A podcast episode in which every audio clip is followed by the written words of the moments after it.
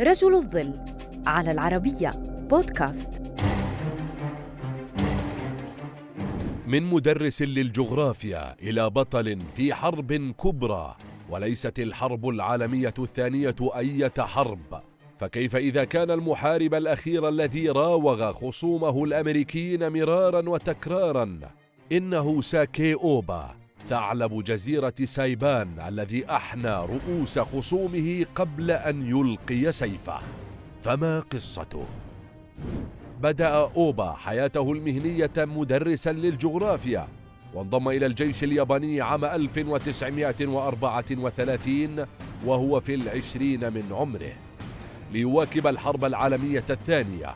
حيث تم إرساله في عام 1944 على رأس فريق المساعدات الطبية إلى جزيرة سايبان.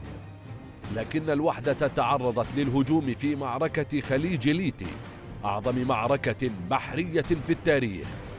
ما تسبب في غرق أكثر من 2300 جندي فيما نجا أوبا بأعجوبة. جمع أوبا الناجين من زملائه وأعاد تنظيم وحدته لكن القوات الأمريكية غزت الجزيرة وقتلت الكثير منهم ولم يبقى سوى ثلاثين ألف جندي ياباني انتشروا في المناطق الداخلية الوعرة للجزيرة. بحلول السابع من يوليو اجتاح أكثر من أربعة آلاف جندي ياباني الجزيرة للدفاع عنها لكنهم هزموا وقضي عليهم في أقل من خمس عشرة ساعة.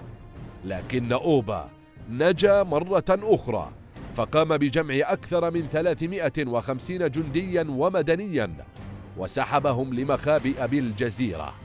ثم شكل فرقا قتالية من الناجين وقام معهم بغارات متفرقة على القوات الأمريكية فدمروا بعض معداتهم كما تسللوا مرارا لمعسكراتهم لجمع الطعام والأخبار.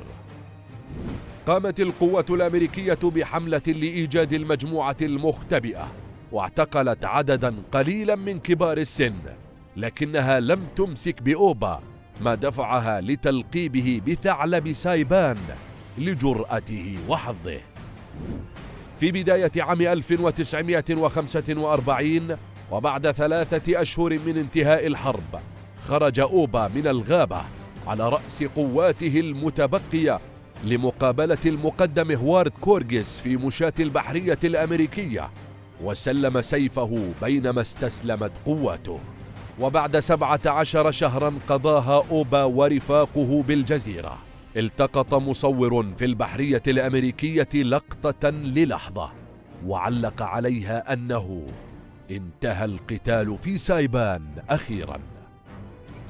تقديرا لمآثره تم تكريم أوبا من قبل نادي ضباط البحرية الأمريكية في الجزيرة قبل إعادته إلى اليابان وانحنوا لمصافحته فيما أقيم احتفال له وللجنود العائدين باليابان كما تم تجريده من ترقيته إلى رتبة رائد.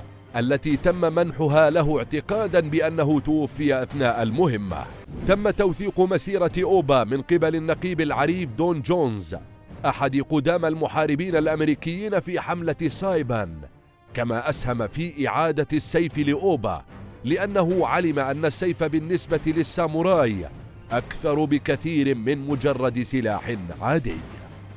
توفي أوبا عام 1992 ولكن ذكراه بقيت حية في سجل الأبطال كمقاوم وطني استحق احترام خصومه قبل أبناء جلدته.